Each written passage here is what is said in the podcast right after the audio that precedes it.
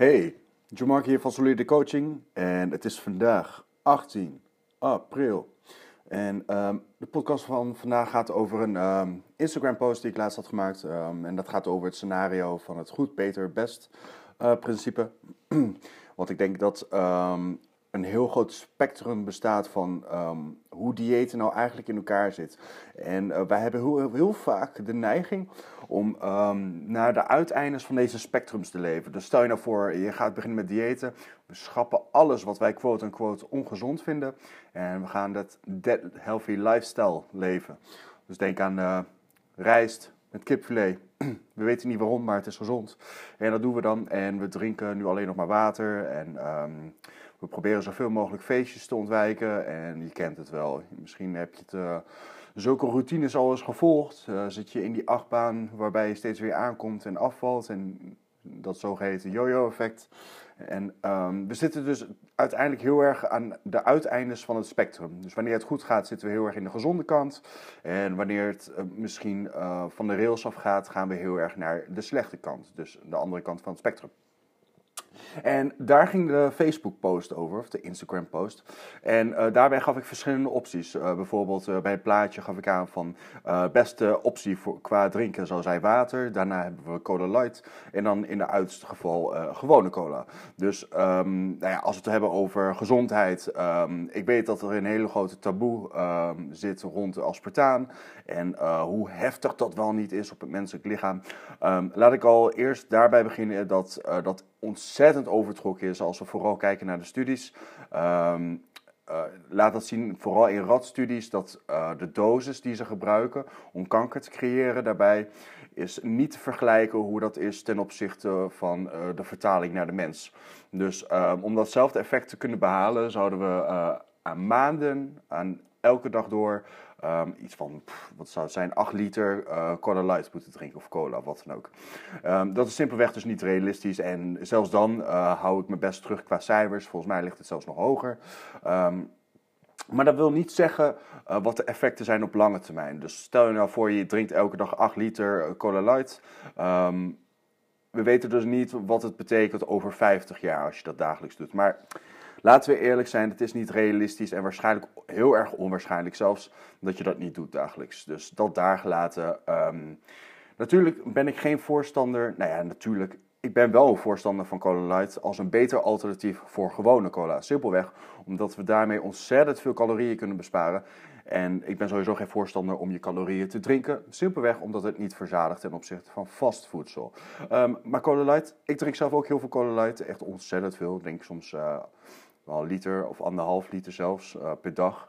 Nou, niet elke dag hoor, maar soms als ik iets in huis heb, dan kan het best snel opgaan. En ik heb het gevoel dat ik best wel verslaafd ben aan cafeïne uh, in de ochtend. Dus uh, die cafeïne boost heb ik soms nodig uh, door mijn uh, denk ik. Hm.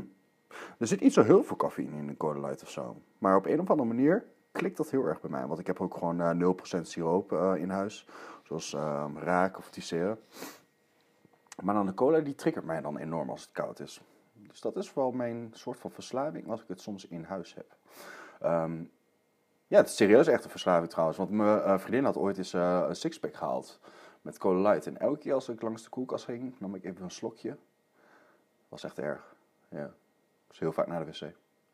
Um, hoe dan ook. dus de Cola Light is een betere optie dan de gewone cola. Um, en we zitten gewoon nu echt in het midden van het spectrum. Hè. Aan, aan de uiteinde hebben we dus het water. Aan de slechte kant hebben we dan uh, de cola. Ja, slechte kant. Cola is natuurlijk ook. Uh, het is gewoon heel erg aan de dosis. Dat is voornamelijk wat ook uit de Facebook-post komt. Van hey, elke dosis, wat voor product het ook is, kan giftig zijn. Water kan slecht voor je zijn als je daar te veel van neemt. Dus dat moeten we allemaal in context houden. Niks is goed en niks is slecht, maar het gaat allemaal om de dosering daarvan daarbij geef ik ook de voorbeeld van één donut, wat heel goed is, ten opzichte van twee donuts, is een middengrond, en drie donuts, oké, dan gaan we weer naar het uiteinde van het spectrum. Dus het is weer even kijken naar de doseringen. Um, kipfilet heb ik weer een uh, optie gegeven voor kipnuggets. Ik hou zelf helemaal niet van kipnuggets eigenlijk, maar iedereen is er zo wild van. Het zo droog altijd, maar misschien heb ik nooit de goede gehad. Als je advies hebt welke je moet proberen, laat me vooral weten. En um, uiteindelijk nog een bucket van KFC, ook nooit gehad, maar ziet er wel heel erg lekker uit. Um, En dat is een beetje uh, het idee wat ik je wil laten overbrengen over de uh, goed, beter, best scenario. En elke keer als je zo'n keuze voor je krijgt van hey, wat ga ik vandaag eten voor de lunch, wil ik niet per se dat je gaat denken van oeh, dit is slecht. Maar wat zijn de beste opties die je op dat moment kan maken? En past het ook binnen jouw caloriebehoeftes? Kijk, als je uiteindelijk aan het uiteinde van je spectrum zit met drie donuts of vier of vijf, ga dan even na van je hebt je progressie nog niet verknald. Maar kijk even, past het binnen, jouw, uh, binnen jouw grenzen, binnen jouw caloriedoel, uh, binnen waar je wilt zijn. Uh, het grootste probleem voor met die donuts is, voor de calorieën dat bevat, verzadigt het gewoon simpelweg niet zo goed. Dat is voor mij het grootste probleem voor mijzelf. Um, ik train ontzettend veel. Ik maak elke dag 20.000 stappen en ik verbrand ongeveer relatief 4 tot 5.000 calorieën. Maar ik heb elke dag honger. Ontzettend veel honger. Zelfs als ik 5, of sorry, 4 tot 5.000 calorieën eet. Ik, ik ga altijd wel met een soort van semi-hongergevoel naar bed. Dus voor mij is het ontzettend belangrijk om vezelrijk te eten en eiwitrijk om verzadigd te blijven. Als ik donut zou eten of een pizza, weet ik van tevoren: oké, dit is uh, iets waar ik van wil gaan genieten. Maar daartegenover staat wel dat er een grote kans is dat ik moet gaan compenseren met of heel veel groenten. Of ik moet, niet, uh, ik moet me niet aanstellen en ik moet accepteren dat ik uh, vanavond honger ga krijgen. Nee, honger. En ik weet dat heel veel mensen gaan zeggen: ja, maar wat is honger nou? Hè? Honger hebben ze in Afrika. Ik vond dat echt de grootste bullshit. Ik vind, ik vind het echt onzin als je zulke dingen zegt. Want simpelweg, het is, het is mijn realiteit. Hè? Dat, bijvoorbeeld, ik kan ook zeggen: van ja, ik ben straatarm. En dan ga je dat vergelijken met iemand uh, in Afrika. Dat is niet mijn realiteit. We vergelijken hoe we ons op dit moment voelen. En als iemand rijk is, kun je ook zeggen: ja, Bill Gates is rijker. Ja, dat is, dat is niet relatief. We, vergelijken met de perceptie die we hebben in onze realiteit. Um, dus dat gezegd, ik heb op dat moment honger. En dat is het uh, feit dat ik dan moet accepteren. En dat is ook iets voor jou. Dus niet per se denken van is dit goed, is dit slecht. Maar denk ook even um, in wat voor persoon je bent. Wat is je karakteristiek? Heb je heel veel honger daarna? Um, moet jij veel verzadiging hebben? Uh, dit is ook de reden waarom ik met de mensen met wie ik samenwerk echt ga overleggen en bespreken van hé, hey, wat zijn je valkuilen? Heb jij veel verzadiging nodig. En we maken elkaar dan, ik maak hun dan vooral bewust om de keuzes die ze maken, niet alleen voor de calorieën, niet alleen qua gezondheid en eiwitten, maar ook wat het voor impact heeft uh, op later op de dag. Kijk, som, soms um, in het begin kom ik mensen tegen die bijvoorbeeld 500 calorieën onder hun uh, behoefte overhouden. Simpelweg omdat ze geen honger hebben. Weet je, en dat is helemaal goed. Want dat betekent namelijk dat ze heel goed naar hun intuïtieve um, maag luisteren, naar hun intuïtiviteit. En dat is heel goed. Wanneer je verzadigd bent, fysiek verzadigd, dat je dan kunt zeggen: stop, ik heb genoeg gehad. In plaats van dat we gaan dooreten, simpelweg omdat we nog 500 calorieën over hebben. En dat is ontzettend waardevol en dat is iets wat we uh, in de maatschappij heel erg missen. Want eten geeft ons een goed gevoel. En daarom willen we daar zoveel mogelijk van eten tot we een bepaald limiet hebben geraakt. Daarom werkt bijvoorbeeld MyFitnessPal zo goed, omdat je daadwerkelijk dat limiet kunt bereiken. Maar als jij intuïtief kunt eten en jij uh, eet tot je fysiek verzadigd bent, dat is zo waardevol. Dat is zo waardevol als je daarnaar kunt luisteren. Want heel veel mensen blijven dooreten tot ze buikpijn krijgen. En door dat signaal pas gaan stoppen met eten. Dus vind het vooral niet erg als je onder je caloriebehoefte zit, simpelweg omdat je verzadigd bent. Mijn kantelpunt en de vraag die ik direct, uh, direct daarbij stel is: forceer je jezelf om dan niet meer te eten, of is het daadwerkelijk uh, fysieke verzadiging? Als het dat laatste is, is helemaal perfect. Is het dat eerste, oké, dan moeten we gaan evalueren, oké, waar komt het vandaan? Waarom forceer je jezelf om niet meer te eten? Ben je bang om over je calorieën heen te gaan? Oké, hoe kunnen we daar meer sorry daarvoor. De wekker was ondertussen uitgegaan, of afgegaan eigenlijk. En daardoor was de um, recording was afgekapt. Um, maar we hadden het dus over het evalueren van uh, als je jezelf forceert om niet meer te eten. En dat is dan simpelweg het uh, uh, bekijken van hey, waar komt het vandaan, het mentale aspect waarom je jezelf forceert om niet te eten. Um, kan het misschien zijn omdat je bang bent om jezelf te overeten in de periode dat je nog calorieën over hebt. Oké, dan moeten we daar handvaten creëren, zodat je meer structuur hebt. Um, om dan een plan te maken zodat je niet gaat overeten. Geen triggerfood, um, vullend uh, eten consumeren wat, wat je voor een hele lange tijd verzadigd houdt. Um, maar mocht je nou intuïtief eten En daarbij wel nog het gevoel hebben van oké, als ik nu die 500 calorieën niet eet, dan zijn ze verspild en zijn ze weg. Natuurlijk kun je ze ook doorzetten naar de volgende dag, wanneer je misschien een harde trainingssessie hebt gepland. Zodat je dan iets meer calorieën hebt te besteden ten opzichte van uh, vandaag bijvoorbeeld. Dus als je 300 calorieën over hebt gehad van de dag daarvoor, kun je die gewoon meenemen naar de volgende dag. Uh, dat hoeft natuurlijk niet, maar dat is de mogelijkheid. Want um, je hebt eigenlijk een bepaald caloriedoel, waardoor je een calorieonderschot uh, of een uh, tekort hebt gecreëerd. Waardoor je wekelijks ongeveer een halve tot een kilo tot anderhalf kilo afvalt. Maar als je stelselmatig dat calorietekort gaat vergroten, dan gaat het misschien problemen opleveren dat het te snel gaat. Daadwerkelijk dat je lichaam te snel moet gaan reageren op de uh, hoeveelheid calorieën dat je consumeert. Simpelweg, jouw lichaam heeft een verdedigingsmechanisme. Uh, uh, en dat wordt geactiveerd wanneer het uit homeostasis uh, raakt. Homeostasis uh, staat simpelweg voor de balans in het lichaam. Dus wanneer het lichaam snel gewicht verliest, um, raakt het uit balans en raakt het in gevaar en is het bang dat het zo gaat doorzetten dat het simpelweg gaat sterven. Dus het gaat dan verschillende mechanismes gebruiken om dit tegen te gaan. Dus je hongergevoel gaat omhoog, um, je niet gaat omlaag. Dat betekent dat je minder beweegt. Niet staat voor non-exercise um, activity uh, thermogenesis en dat is simpelweg hoeveel jij beweegt los van sportactiviteiten. Dus onbewuste bewegingen. Uh, lopen naar, uh, naar evenementen, boodschappen, wat dan ook, of stofzuigen, dat soort dingen. Je raakt meer vermoeid en daardoor beweeg je ook minder. Zelfs als je vermoeid bent, ga je zelfs minder met je ogen knipperen, simpelweg om calorieën te besparen. Je lichaam gaat ook efficiënter met de calorieën um, te werk. En um, ja, zoals ik al zei, eh, ook het hormoon, ghrelin, dus het hongerhormoon daarvan, in je lichaam wordt ook heel erg versterkt, waardoor je hongergevoel dus ook daadwerkelijk uh, versterkt wordt daardoor. Dat is allemaal niet productief om af te vallen, maar wel ontzettend handig um, om te kunnen overleven in specifieke situaties. Anderzijds, want we lopen altijd te zeuren hoe slim ons lichaam is, is het ook ontzettend goed om je te ondersteunen wanneer je um, begint aan te komen. Want hetzelfde principe geldt wanneer je aankomt. Dus simpelweg gezegd, als jij aankomt, raakt het ook uit homeostasis, uit het balanspunt. En wat het lichaam dan gaat doen, is je gaat meer bewegen. Je niet gaat omhoog, je hebt meer energie. Je gaat meer calorieën verbranden, simpelweg omdat je actiever wordt. En het maakt het hormoon leptin aan. En leptin is het verzadigingshormoon um, dat een, richting het brein wordt gestuurd. Dat je genoeg hebt gegeten, dat je makkelijker kunt vasten, dat je makkelijker controle kunt houden over je eetgewoontes. Dus ongeacht dat, lichaam, dat jouw lichaam wilt dat het niet afvalt, wil het ook niet aankomen. Um, want als dat zo zou zijn, als wij geen leptin zouden aanmaken, zouden we ontzettend uh, veel overgewicht hebben. Maar dat gebeurt niet. En dat merk je ook waarschijnlijk als je eens een keer uit eten bent geweest of een uh, avondje uit of wat dan ook. En je bent zoveel kilo aangekomen. Maar de week daarop stabiliseert het relatief snel. Terwijl je misschien nog niet eens iets heel erg bewust hebt gedaan. En dat is simpelweg omdat je misschien meer uh, actiever bent over het algemeen.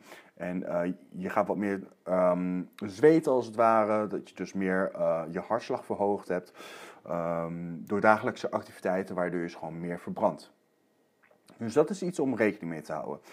Ik raak een beetje van het onderwerp af van het goed, beter, best scenario. Maar ik denk dat het wel interessante informatie is om over na te denken. Um, en dit heeft dan ook weer een correlatie met uh, het yo-yo-diëten. Dat we te snel naar beneden willen gaan en we gooien ons uh, lichaam telkens in zulke stressvolle situaties, wat we eigenlijk niet willen. Daarom is het principe zo belangrijk dat we langzaam willen gaan uh, afvallen. Maar veel mensen begrijpen niet wat dat nou precies inhoudt en waarom. We accepteren gewoon dat we langzaam naar beneden moeten gaan, want anders krijgen we een, crash-situatie en dat willen we niet. Maar vaak kunnen we ook niet bevatten waarom we dat niet willen en waarom het zo gevaarlijk is. Ja, gevaarlijk, niet bevorderlijk voor het gewicht in ieder geval. Um, dus dat voor deze podcast. Ik hoop dat je een beetje een beeld heb kunnen geven. Um, probeer daarbij dus goed te relativeren. Elke keer als je een keuze maakt van... hey, het hoeft niet perfect te zijn. Je hoeft niet alleen maar de hele dag water te drinken. Maar word bewust. Wat zijn de opties die je kunt maken? Drink je misschien nu water en smiddags een cola light en s'avonds een gewone cola? Het gaat allemaal om de dosering. Het gaat allemaal over de mate die je kunt um, hanteren binnen jouw levensstijl. En dat is hetgene, de enige optie die je kunt krijgen om het voor de rest van je leven vol te houden. Want als je jezelf telkens aan de uiteindes van het spectrum uh, blijven leven, zul je alleen maar jezelf tegenkomen. Op de korte termijn is het misschien haalbaar om even 5, 10 kilo te verliezen. Maar uiteindelijk laat het uit studies zien dat de meeste mensen, uh, volgens mij 80 tot 95 procent, na een jaar weer terugkomt op hun oude gewicht en wellicht zelfs zwaarder. Even relativeren. Dus al die vriendinnen die je kent, al die vrienden die je kent, die, die um, hebben kunnen afvallen. Spreek ze over twee jaar weer. En dat is niet negatief bedoeld, maar serieus, vraag jezelf dat eens af. Hou ze in de gaten. Kijk hoe hun gedrag is, hoe ze praten over hun dieet, hoe ze praten over hun progressie, maar hoe snel dat stilvalt over de periodes heen. En dat is oké. Want iedereen probeert hun weg te vinden in, um, in datgene waar ze naartoe willen gaan, richting hun streefgewicht. Maar ik denk dat we heel vaak niet begrijpen, niet de kennis hebben die hoort bij het, bij het succesvol kunnen afvallen. Want vaak krijgen we meer de instelling van um, geef het je alles, wilskracht, je moet er doorheen pushen. En dat is niet haalbaar. We, we, we, behandelen het heel vaak als een of andere sprint in plaats van een marathon. We hebben allemaal de verkeerde schoenen aan. In plaats daarvan moeten we langzaam benaderen. En, en, en ik zeg langzaam benaderen en dat niemand voelt zich aangetrokken daardoor. En dat begrijp ik compleet. Als jij nu op de bank zit of je bent nu aan het luisteren in de auto of wat dan ook. En je denkt van shit, ik ben echt niet blij met hoe ik eruit zie. Nou ja, ik, ik, uh, ik, uh, ik wil wel een jaar voor investeren om die 40 kilo te verliezen. Ik weet het, je wil het nu kwijt. Dat snap ik 100%. Ik kan heel makkelijk praten vanuit, vanuit hier, vanuit mijn situatie. Want ik zit niet meer in die situatie. Maar ik heb wel precies hetzelfde kunnen ervaren als jij. En als je eenmaal de kennis hebt en kunt begrijpen waarom dit belangrijk is, dan, dan kies je voor de lange termijn uh, optie. Want de korte termijn levert uiteindelijk op de lange termijn helemaal niks op. Dat zou ik zo vervelend vinden. Want dat is altijd mijn doel geweest met de mensen met wie ik samenwerk. Dat als ik ze eenmaal uitzwaai, wanneer we klaar zijn met het traject, wanneer jij controle hebt over hetgeen waar jij controle over wilt hebben om op je streefgewicht te komen, dat je simpelweg kan uitzwaaien en dat je daarna niet kruipend weer naar me toe komt van shit, John, ik heb hier die stok achter de deur nodig. Nee, dat heb je niet. Want als het goed is, heb jij nieuwe gewoontes gecreëerd die meer balans vindt, die niet zwart-wit denkt, niet aan, aan de uiteindes van het spectrum hoeft uh, te leven. En die balans kan vinden tijdens verjaardagen, tijdens de momenten wanneer je zin hebt in iets lekkers, tijdens de momenten wanneer je discipline nodig hebt en wilskracht, tijdens alles wat het leven te bieden heeft, waar je van kunt genieten, daar kun je van leven voor de rest van je leven. En dat is zo sterk, dat is zo waardevol. Maar het kost tijd. En ik, ik hoop dat ik je aan het denken kan zetten om die tijd te nemen. En natuurlijk kan het in het begin snel. Maar wat is snel? Sommigen zijn echt niet tevreden met uh, anderhalf kilo per week. Ja, ja, in het begin gaat het ook altijd snel. Ja, dat is het proces. Als jij van 4000 calorieën, als ik daar een calorietekort van maak naar 3000, dat is een 1000 calorie tekort per dag. Dat gaat ontzettend snel. Dus als, jou, als jouw dieet over het algemeen al, um, sorry dat ik moet zeggen, shit is, dan gaat het ook snel. Dan, dan hakken we gewoon ontzettend veel in de calorieën en dan verandert er heel veel. Maar als je al redelijk on point bent en we moeten kleine dingen gaan tweaken, dan gaat het minder snel.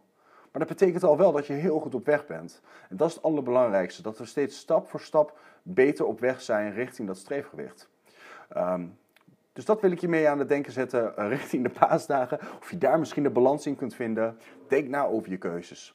Bij de paasdagen brunch, ontbijt, Oké, wat zijn je opties? Wat ga je doen? Neem je één broodje zoet, één broodje hartig. Op de BSO hadden we dit ook altijd. Elk kind moest altijd één hartig nemen voordat je eentje met zoet mocht. Um, hetzelfde gaat bij deze. Uh, ben je snel getriggerd door chocoladepasta? Vermijd chocoladepasta. Of kun je ermee overweg en kun je één broodje nemen en kun je dan zeggen: Oké, dit is prima. Dat zijn allemaal van die mentale dingen om te definiëren wie jij bent als karakter. Want of dat nou wel of niet zo is, hoe jij erop reageert, is niet goed of slecht. Maar het is gewoon wie jij bent en hoe je mee moet leren leven. Dus dat wil ik je meegeven voor de paasdagen in ieder geval. En ik hoop dat je ervan ontzettend van kunt genieten. Ik ga zelf uh, met mijn ouders uh, brunchen. En uh, tweede paasdag, ehm, hm, eigenlijk geen idee. Ga ik nog eigenlijk organiseren met mijn vriendin. Misschien gaan we zwemmen of... Ik weet niet of het zwembad open is. Nee, waarschijnlijk niet. Misschien gaan we naar de Ikea of zo. Nou, ik gewoon wandelen, zoiets. Volgens mij is het wel lekker weer. En zaterdag heb ik nog sterkste man training de laatste training voor mijn rustweek. En de rustweek houdt eigenlijk in dat ik wel blijf trainen. Alleen de volume gaat omlaag. Dat betekent dat ik iets minder doe. De gewichten blijven wel hoog, zodat mijn lichaam ehm, wel gewend blijft aan zware gewichten. Alleen het heeft iets meer hersteltijd, zodat mijn pezen en mijn uh, zenuwstelsel iets meer kan herstellen voor de volgende trainingsweek, wanneer ik er weer vol in ga. En dan heb ik um, vanaf Ehm, die week heb ik uh, dus een rustweek en dan heb ik negen weken voor mijn uh, kwalificatiewedstrijd in Brabant. Daarbij moet ik uh, vrachtwagen trekken, stenen tillen, met zware gewichten lopen en al dat soort gekkigheid boven het hoofd uitstoten. Um, mocht je me niet volgen op Instagram, volg mij via um, John Mark Bolwerk, dat is mijn naam. En op Facebook kun je me ook vinden via John Mark Bolwerk of Solide Coaching.